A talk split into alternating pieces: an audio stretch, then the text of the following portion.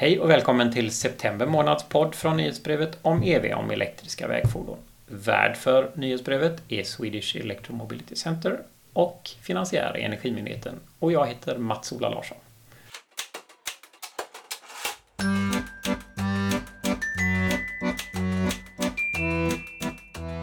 Idag träffar jag Linda Olofsson. Välkommen! Tack! Du är föreståndare för just Swedish Electromobility Center. Och jag är här för att prata med dig lite grann om en konferens som ni har arrangerat. Men först måste jag ju passa på att fråga dig lite grann vad är egentligen Swedish Electromobility Center för en typ av organisation? Ja, vi är ett nationellt forskningscentrum för eh, ja, elektromobilitetsforskning, eh, elektrifiering av transporter. Och vi eh, är finansierade också av Energimyndigheten, en tredjedel, och en tredjedel från industrin och en tredjedel från akademin. Så jag ser det som en saminvestering i forskning och en plattform för överhörning av vad som händer inom elektromobilitetsområdet. Mm. Vi har fem stycken temaområden som är så att säga vår ryggrad och de spänner allt från små komponenter ombord på fordonen till hela systemen runt omkring fordonen för att få elektromobilitet att hända. Hur, hur eh, blir man medlem eller hur, hur värvar ni eller hur, hur ansöker man så att säga? Man kommer till oss. Och, eh, ja, jag tar gärna ett möte om man är intresserad och berättar hur det går till. Eh, det är en liten process med vårt programråd och vår partstämma men i övrigt så är vi ganska öppna mot nya medlemmar. Vi vill att se att de är intresserade av forskning inom elektromobilitet och att eh, de har någonting att tillföra centret också naturligtvis. Mm. Och där sitter som du sa då de lite större företag som är verksamma inom området och så de stora universiteten. Och... Ja, och sen finns det lite mindre aktörer mm. också. Mm. Vi har några eh, små och medelstora företag också. Men ja. eh, naturligtvis de, eh, har vi Scania och Volvo, Volvo Cars, Sevt, så med i centret. Och... Mm. Mm. Eh, du, de här, har du något konkret exempel sådär hur man, hur man, vad gör man i det här centret för att det ska vara nyttigt att vara med?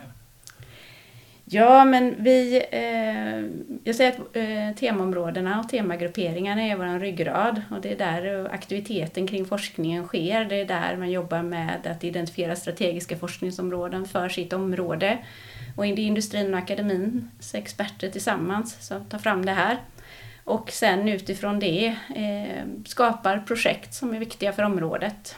Så att, eh, mycket sånt som händer och sen försöker vi stimulera samarbete och korstematiska aktiviteter också. Eh, så det är mycket aktiviteter i centret eh, och vi har, driver även ett doktorandnätverk. Så att, fokus på att få ihop folk för att prata mm. om de saker vi behöver göra forskningsmässigt för att det här ska hända i större skala. Just det, och eh, det blir ju nästan som en sån här P3-övergång. Det här med övergången då till vårt egentliga samtal idag. Alltså om den konferensen ni haft, för det är ju ett sätt just att eh, nätverket får träffa varandra och så. Så ni hade en konferens som heter Roads to the Future eh, i slutet av augusti. Anordnade ni den? Det var två dagar vet jag, jag var inte där själv, men du var ju där. Ja, jag var där. ja. Och jag kan väl säga att är, vi har den här konferensen vartannat år. Eh, från centrets sida bjuder in internationella talare och försöker belysa området från eh, något viktigt perspektiv. Och det här året så var det eh, fordonet som en ny spelare i elnätet som var våra tema och det försökte vi belysa då från olika perspektiv från alla våra teman då. Mm. Ja, du kan börja berätta med något som du själv tyckte var intressant. Ja, vi börjar i änden med liksom systemet runt omkring fordonet och hur vi får det här att hända med eh, elektromobilitet i större skala. Så, eh, så tycker jag att det jag reflekterar kring var det här med ekosystemen som vi måste få till, ekosystem av aktörer då, kring lösningar för olika delar av systemet. Och att det finns olika mognadsgrad hos de här ekosystemen i olika delar om man tittar på aktörerna som ska få ihop systemet kring uppkopplingen mot elnätet och smart laddning och de delarna eh, så är det vissa aktörer som inte ens vet att de är relevanta aktörer utan vi har försökt få ihop dem i workshops nu och de har börjat prata med varandra och där måste de se nyttan med att de samverkar.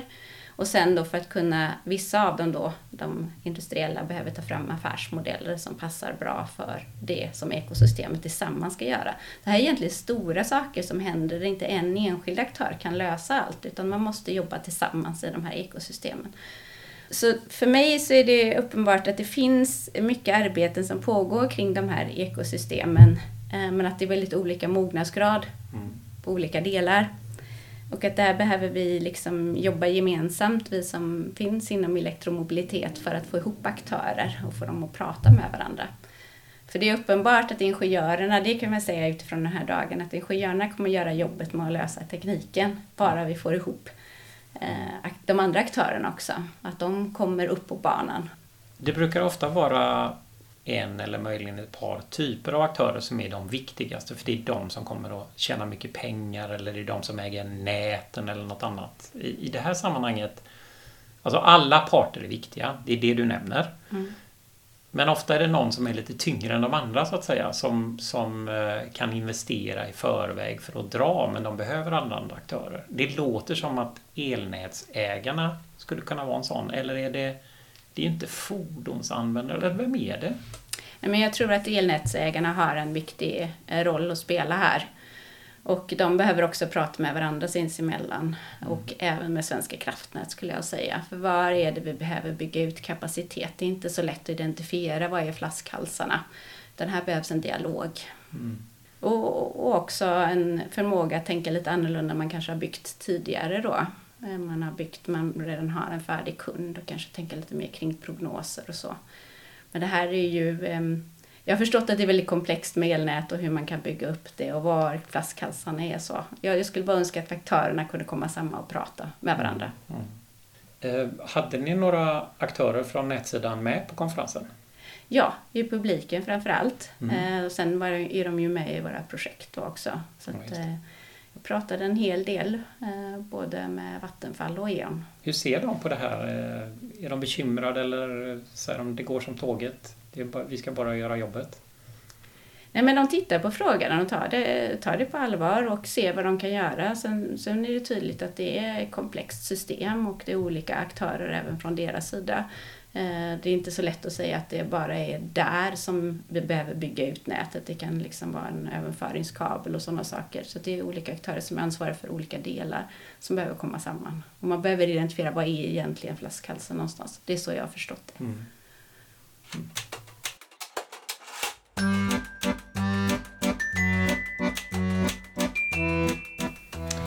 Ja, eh, detta var lite om nätet. Eh, jag har förstått att det var en del om batterier också i vid mening på konferensen. Ja, precis. Vi hade Anna Tissot från Verkor med oss. Eh, hon är med i vår internationella vetenskapliga råd och hon pratade om Verkors resa från att ja, från start till att de nu faktiskt har säkrat finansiering för att bygga en fabrik i Dunkirk. Och eh, hon pratade mycket om hur man säkerställer värdekedjan för eh, batterierna. Det handlar ju både om att få ihop aktörerna för det, men också liksom hur får man råmaterial och sådana delar på ett bra sätt. Och sen också kompetens. Man behöver mycket kompetens för att kunna bygga den här industrin i Europa. Och då har de startat en battery school och det är mycket som behöver göras inom en battery school, men det jag tog med mig är att man också måste lära lärarna för att kunna lära eleverna sen då och för att bygga en hel ny kompetens och industri mm. i landet. Var det något som kändes lite relevant även för svenska förhållanden? Ja, precis. Jag tänkte på det att vi pratar ju också om att vi behöver stärka batterikompetensen. Och hur gör vi det här? Ska vi starta en battery school här också? Mm. Eh, och är det Northvolt vi tittar på då eller ja, är det våra eh, högskolor och universitet som ska dra i den här frågan? Mm.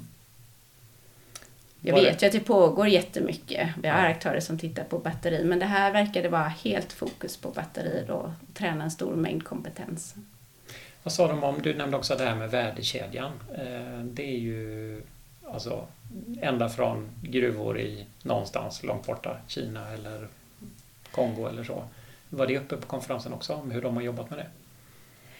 Nej, de pratade inte om det, just verkor, men eh, geopolitiken fanns med i olika perspektiv. Både om, om var råmaterialen till batterierna kommer in, men också om man tittar på elmotorer då, att eh, så många elmotorer som har, tror jag, 95 procent som har sällsynta jordartsmetaller i sina eh, ja, i sin magnet. Eh, och eh, att eh, 76 procent av dem kommer från Kina också, så det är ett starkt beroende där. Mm. Eh, och, och, kan vi bygga elmotorer utan sällsynta jordartsmetaller för att det är ganska smutsigt att utvinna till exempel, eh, så vore det väldigt bra. Och där har vi projekt faktiskt inom centret som tittar på det. Det är ju en ganska fånig fråga ofta. Eh, hur långt ifrån verklighet är det? Det beror ju på en massa saker, marknad och kostnader och sånt där. Men eh, elmotorer utan sällsynta jordartsmetaller, är det mera forskningsprojekt eller finns det Uppfattar du att det finns aktörer som börjar fundera över tillämpningar? Ja, alltså, eh, det var en kanadensisk forskare som presenterade eh, en lösning och han har ju startat ett bolag eh, och säljer det här för mm. olika tillämpningar som jag förstod och såg en jättemarknad för sina tillämpningar. Sen förstod jag när jag pratade med forskare, för det är ju så mycket så när man är på en konferens att man pratar i kaffepauserna och vid lunchen och att det fanns andra som tyckte att de hade bättre lösningar på eh, den här typen av motorer då än kanske just den han presenterade. Så det pågår väl någon slags eh, forskning där också i mm. att hitta en, den bästa lösningen. Och egentligen är det väl lite goda nyheter då om det finns fler än en lösning att välja på så kanske det är ännu större förutsättningar att det här funkar. Absolut. man minskar tänker... beroendet av jordartsmetaller menar jag nu. Ja. Och det för oss tillbaka till det att vi menar vi har ett, ett system som funkar med en drivlina ombord. Alltså vi har mogen teknologi som vi kan föra ut på marknaden. Men vi har fortfarande mycket kvar att göra på komponentnivå också för att förbättra hållbarheten och prestanda. Mm.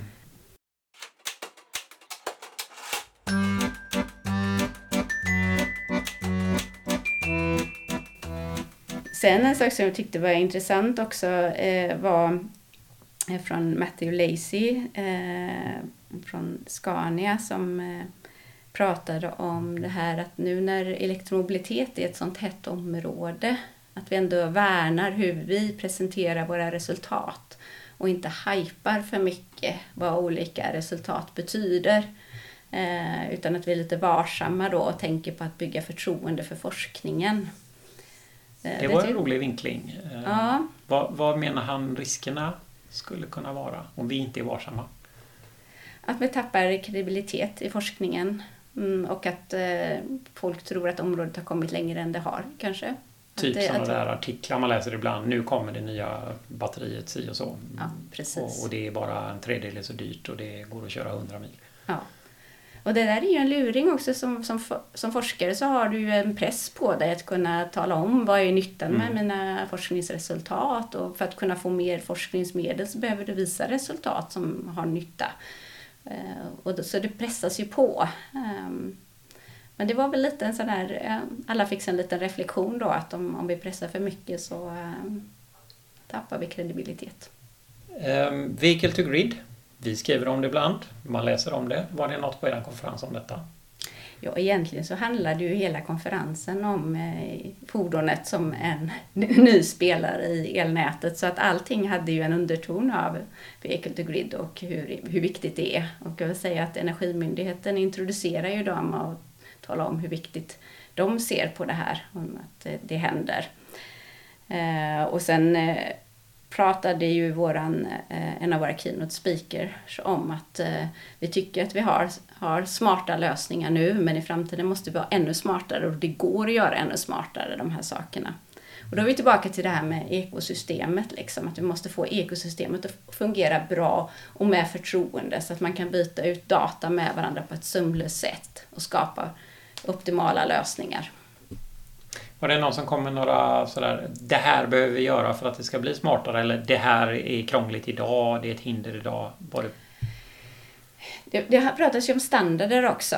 Mm. Eh, och eh, att eh, jobba med att få fram standarder och hur vi eh, mäter eh, laddning och sådana saker. Att vi behöver få fram det. En annan sak som var uppe var också det här med hur vi, eh, hur vi löser tunga transporter. när det Eh, ja, långväga tunga transporter. Och där hade vi ju ett föredrag då av David Seaborn från Cambridge som pratade sig varm om elvägar och eh, presenterade att det kunde lösa eh, tunga transporter i Storbritannien. Eh, och lite grann kanske sågade andra potentiella lösningar som snabbladdning med Vega Chargers och eh, bränsleceller, eh, vätgas som lösningar. Då. Det väckte en del debatt och vi fick ganska heta diskussioner vid middagen efteråt. Ja, jag tänkte just fråga, var det ljudlöst i rummet då eller blev det lite diskussion? Det blev lite diskussion ja. men det, kunde, det, tog inte slut där utan det mm. fortsatte. Ja. ja. Och vi har till och med i olika forum efter det diskuterat. Och det är ju lite så att vi har någon slags battle of systems där. Ja. Och det är inte säkert att det bara blir en lösning utan det kanske är flera lösningar som får finnas bredvid varandra ett tag. Kanske hela tiden. Därför att de är, det finns argument för alla mm. tre. För och emot. Mm, men de står också i viss konkurrens till varandra. Så att, mm. ja. Vad var hans eh, huvudpoäng? Var, varför är elvägar bättre än de andra? Enligt honom. Därför att eh, då behöver man inte ha så stora batterier och om man sätter dem på strategiska ställen så behöver man inte ladda så länge heller för att det eh, ska eh, flyta på med den logistiksätt man har idag eller den lösningen för logistik som man har idag. Helt enkelt. Mm. Ja, vi vet ju hur tåg fungerar. De står ju inte och laddar utan de bara åker. Ja, Linda Olofsson, då tror jag att vi har eh, hunnit ge en liten glimt av det viktigaste på konferensen. Jag tackar för att vi fick träffa dig. Eh, jag som har intervjuat idag heter Mats-Ola Larsson. Eh, du, Linda Olofsson, är alltså föreståndare för Swedish Electromobility Center. Och... Ehm, jag vill tacka för att jag fick komma hit och prata med dig om det här. Och jag vill uppmana alla som är intresserade av elektromobilitet och vår forskning att ta kontakt med oss. Bra, gör det. Vi är som alltid, eh, nyhetsbrevet är finansierat av Energimyndigheten och eh, musiken i programmet är skriven och framförd av gruppen Vintergatan.